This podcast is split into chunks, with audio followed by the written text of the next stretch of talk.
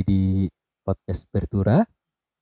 Di ini kemungkinan akan naik jadi episode keempatnya dari eh, podcast Bertura. Kebetulan hari ini podcast Bertura nggak sendirian, gue nggak sendirian, gue ditemenin sama eh, Condro atau biasa dipanggil Ocon boleh? Con di say hi. Halo teman-teman bertura. Ya, eh, sebetulnya Ocon nih eh, punya podcast juga. Sorry. Nah, sebenarnya satu podcast juga kita ya Con ya di Peko. Hmm. Mungkin biasanya kita ketawa-tawa, tapi mungkin di Bertura kita mau lebih yang ngobrol santai tapi ya agak serius lah Con. Oke. Sebelumnya gue pengen nanya gini dulu Con. Gue biasanya kalau ada ada tamu, nggak biasanya sih lu baru tamu kedua gue. Gue bakal nanya, menurut lu di umur kita yang sekarang untuk ngeluh, untuk kesuh, untuk marah-marah wajar nggak sih Con? Menurut gua eh, sangat wajar karena Hmm.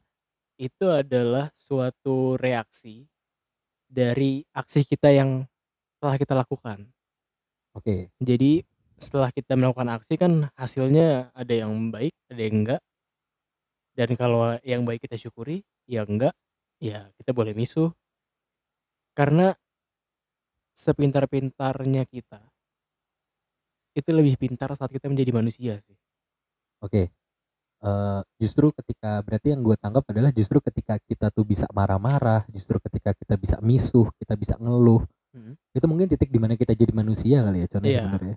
Ah, bahkan some people tuh ada yang memaksakan dirinya eh, tidak menjadi manusia, Oke, seperti memforsir dirinya dan dia nge-push dirinya. Ya mungkin ambisius boleh lah, cuma ketika lu gagal ya tolong diiyakan kegagalannya gitu. Iya. Yang orang lupa kadang lu juga namanya hidup gagal tuh bagian dari itu sebetulnya Iya, kan. Kalau lu nggak gagal lu gimana mau proses, gimana lu mau belajar kan sebenarnya kan di situ kan. sebenarnya. Betul betul, setuju.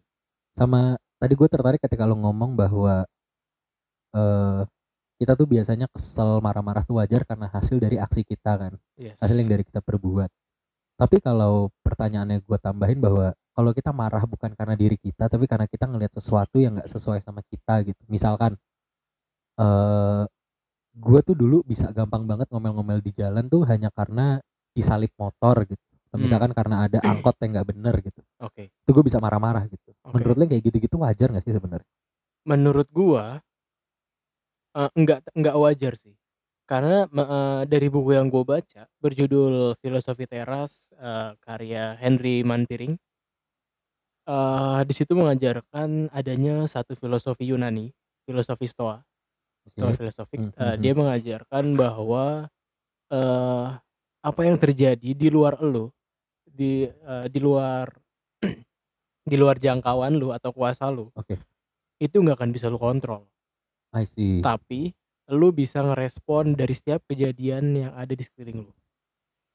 Oke, berarti bentuk respon itu kan bisa macam-macam dong sebetulnya. Iya. Ketika lu marah itu kan berarti sebenarnya bentuk dari respon lu ngelihat sesuatu yang enggak sesuai sama prinsip let's say kita Iya betul. Tapi apakah dengan kita marah itu menyelesaikan masalah? Kan enggak juga sebenarnya. Oh iya betul.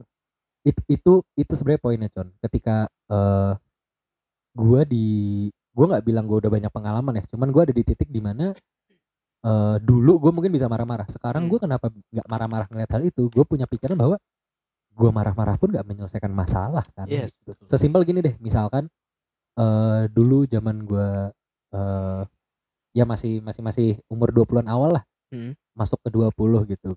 Sesimpel gua lagi ngobrol sama cewek gua terus cewek gua bilang kayak iya nih belum makan gitu. Kok kamu belum makan sih bla bla bla bla bla terus gua marah kan. Hmm. Gua sekarang mikir kalau gua marah ketika cewek gua belum makan emang dia bisa kenyang dengan marahnya gua? Iya betul. Kan enggak kan? Heeh. Itu kan aksi dan respon yang gue berikan ketika dia bilang dia belum makan nih gitu. Akhirnya dia Yes. sakit perut tapi gua marah.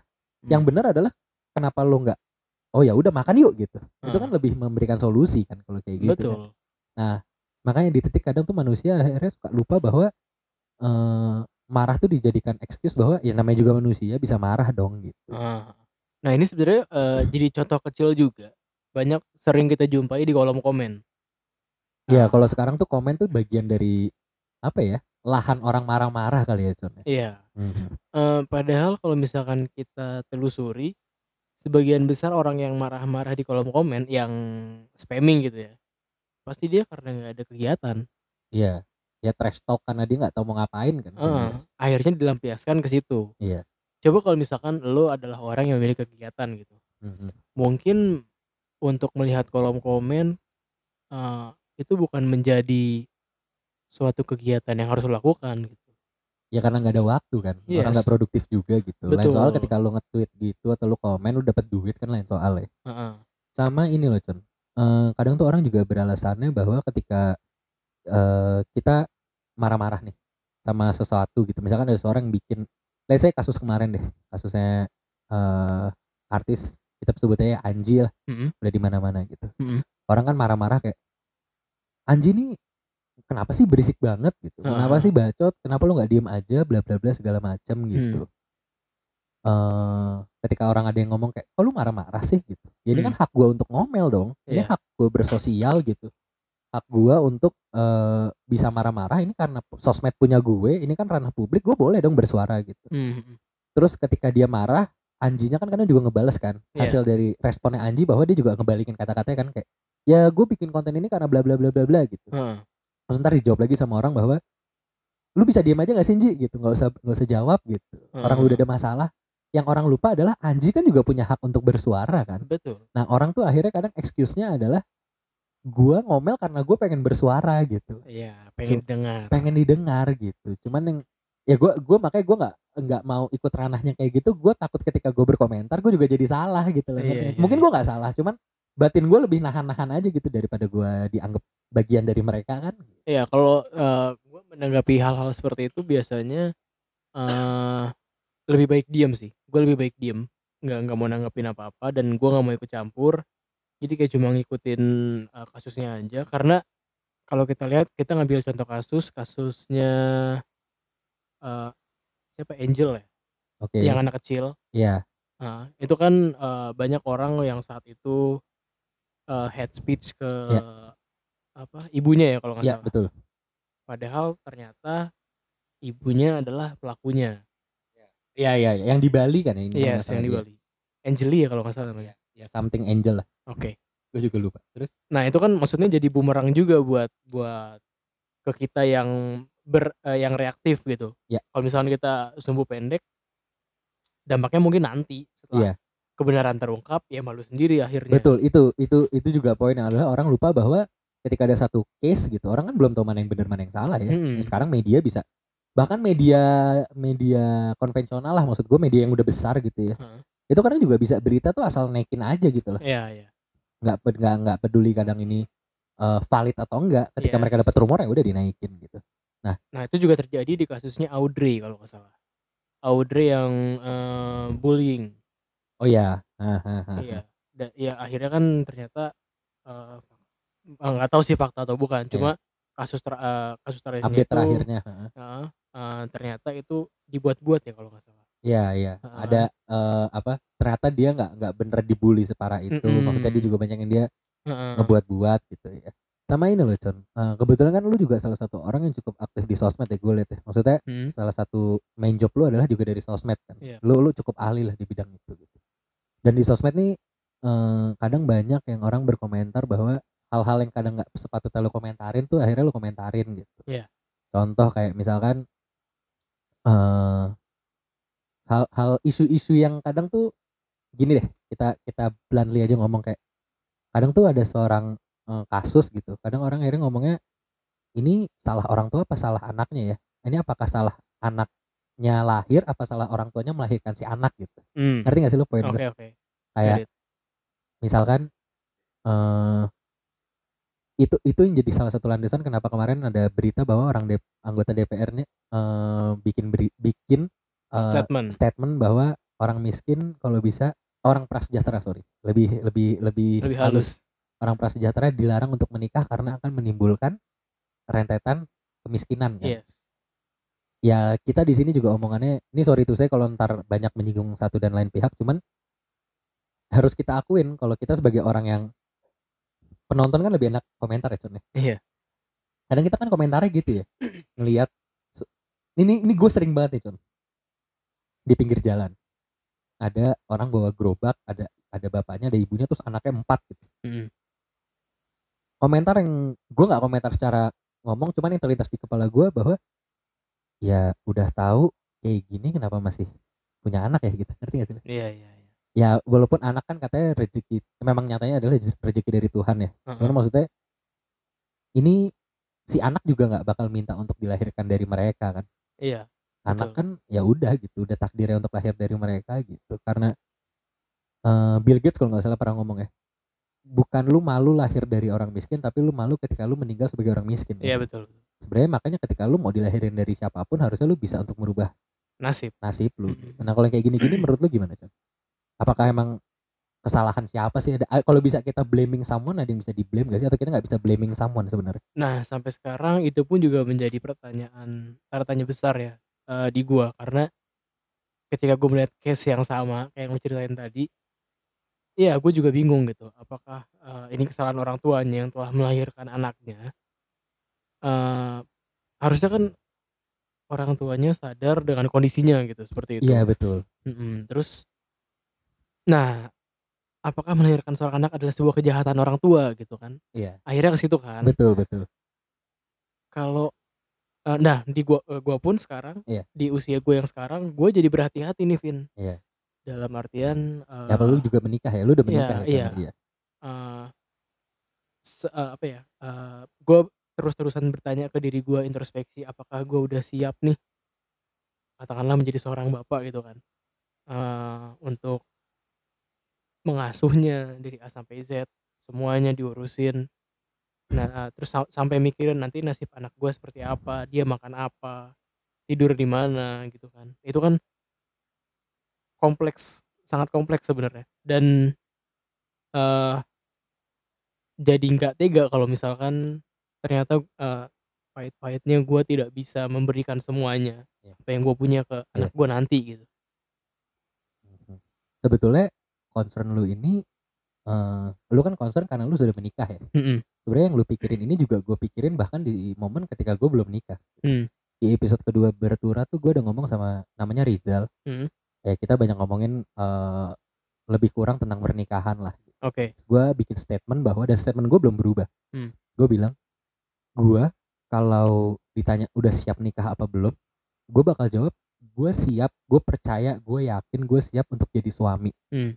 Tapi jujur dari hati gue yang paling dalam gue berani bilang gue belum siap jadi bapak alasannya seperti yang lu concern lu tadi. Hmm. kasarnya ya dengan apa yang gue punya sekarang Hmm. baik material baik eh, mental baik semua kesiapan yang ada di tubuh gue dari ujung rambut sampai ujung kaki gue tuh bisa untuk hidup dengan satu orang lagi maksudnya suami dan istri ya. Gue menjadi Hmm. suami dan ada ada wanita sebagai istri gue itu gue mampu. Gue ngerasa gue tahu gue mampu gue siap. Hmm. tapi kalau gue perlu menghidupi satu sosok lagi yaitu anak itu gue kayaknya belum siap.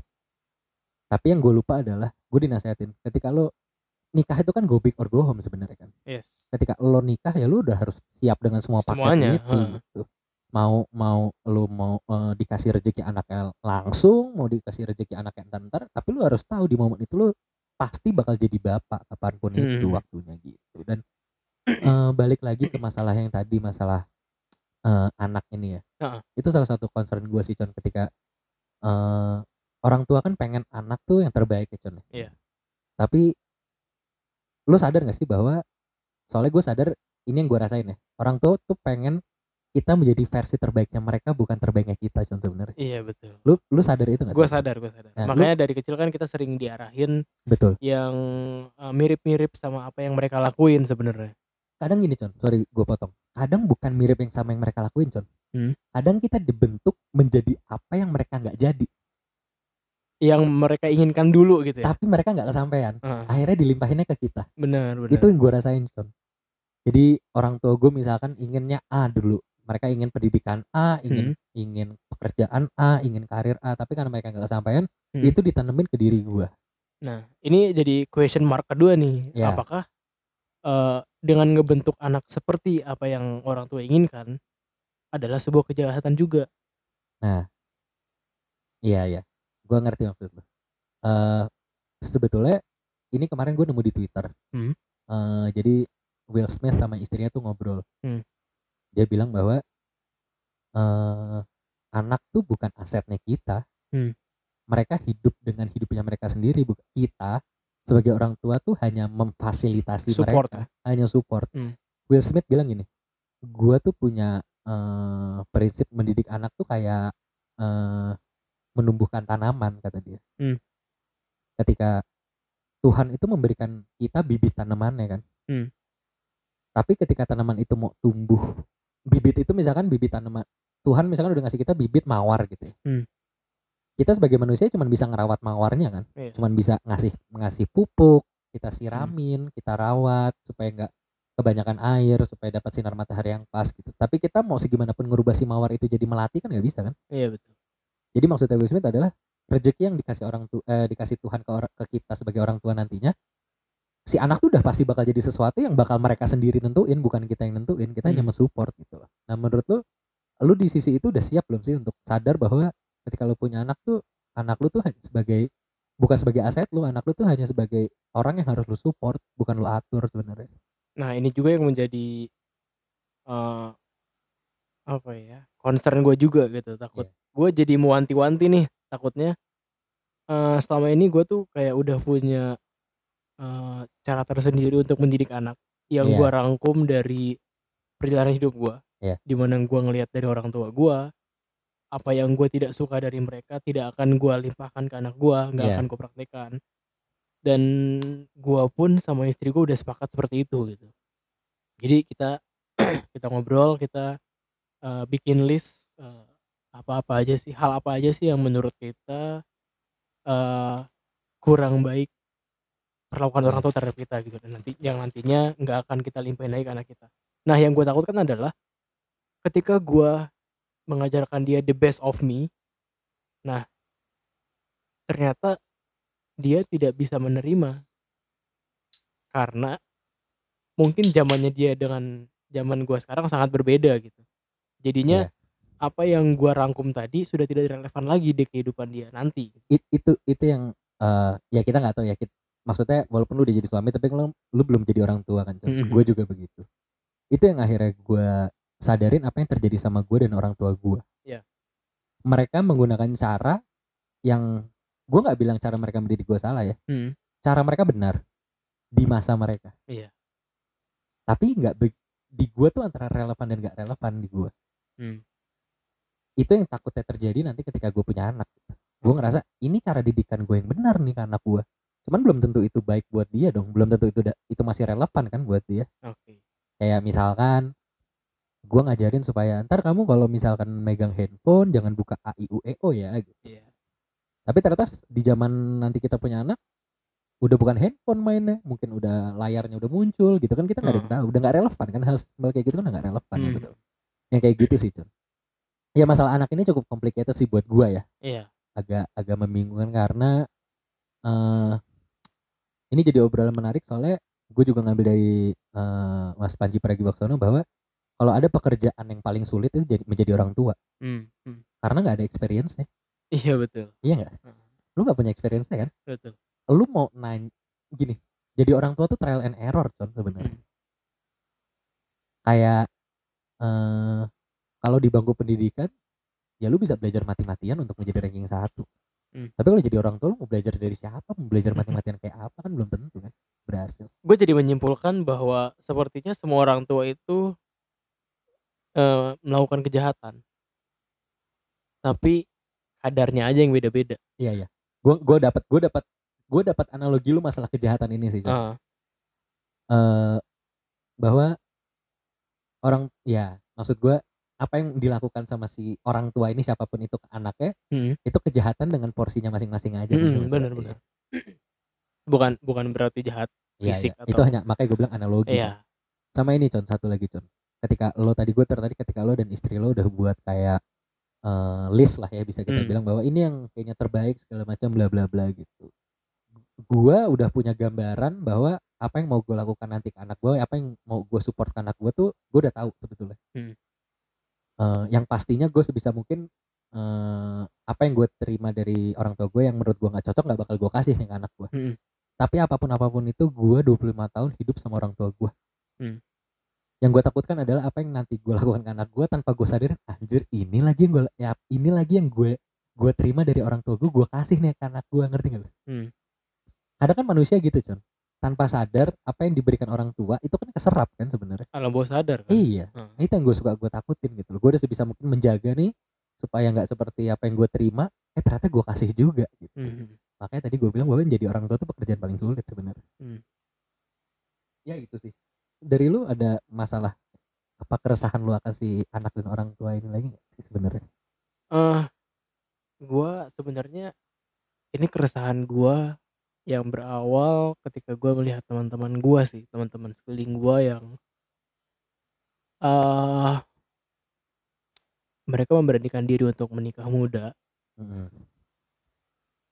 ya sepenglihatan gue sih mereka seperti belum mempersiapkan eh untuk ke depannya tapi karena ya udahlah nikah nikah aja dulu gitu Ya. tanpa ya gue nggak bisa nyalain juga sih gimana ya ya gue gua gua ngerti maksud lu Mhm. ketika momen di mana by the way lu di sini eh gue juga ngasih tahu ke lu dulu bahwa bertura tuh sebenarnya juga salah satu platform podcast yang nantinya tuh gue sangat senang kalau orang tuh mau keluh kesahnya di sini sebetulnya Mhm.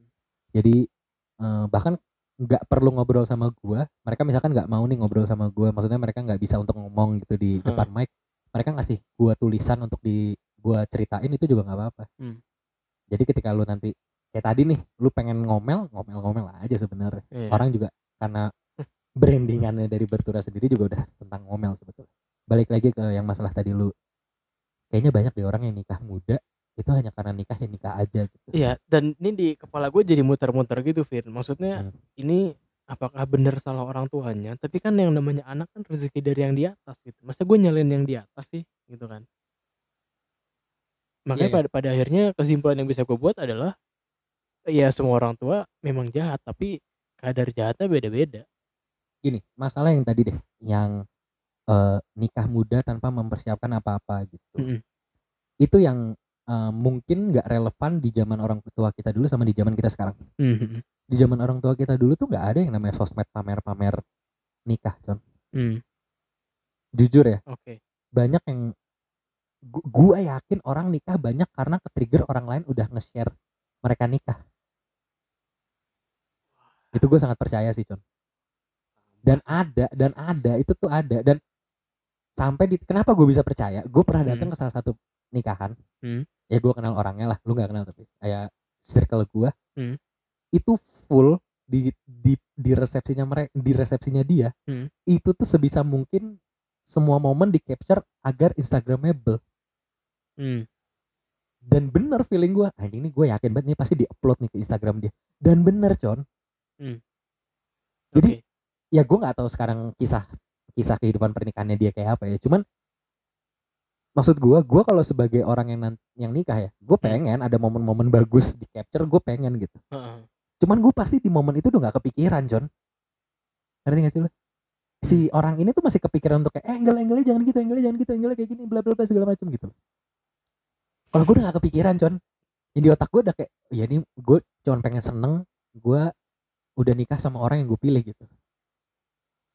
Iya, iya. dapat kan? Oke, dapat dapat kan? iya. Ya gue gua nggak menyalahkan juga sih maksudnya namanya nikah kan rezeki ya dan itu kan ibadah ya. Mm-mm. apa pun yang mendasari lu menikah ya namanya ibadah ya ibadah gitu nggak bisa dibilang a i u e o menurut gue cuman ya kita nggak pernah tahu nextnya kan?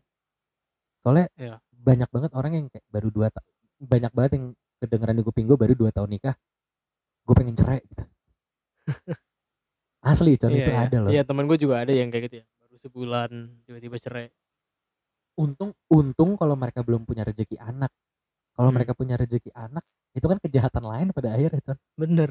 iya kan Jahat lagi kan orang jahat tua. lagi pada akhirnya tapi eh by the way berturut tuh gak akan lama con paling lama 30 menit jadi ini udah mungkin masuk sesi akhir kalau lu Oke. mungkin masih ada yang mau lu omelin Ah, gua gua cukup sih. Gue cuma berharap semoga teman-teman gua yang nikah muda di luar sana mereka diberikan rezeki yang cukup untuk menghidupi anak-anaknya eh sehingga tidak menjadikan anaknya sebagai korban dari pernikahan mereka. lu nyebutnya korban ya Iya. Eh, Gua, gua pun juga iya. berharap yang sama ke diri gua sih. Iya. Jangan sampai anak jadi korban dari ya hanya nafsu Ego. saat gitu. ego dan nafsu Ah, ah. sesaat ya. Betul.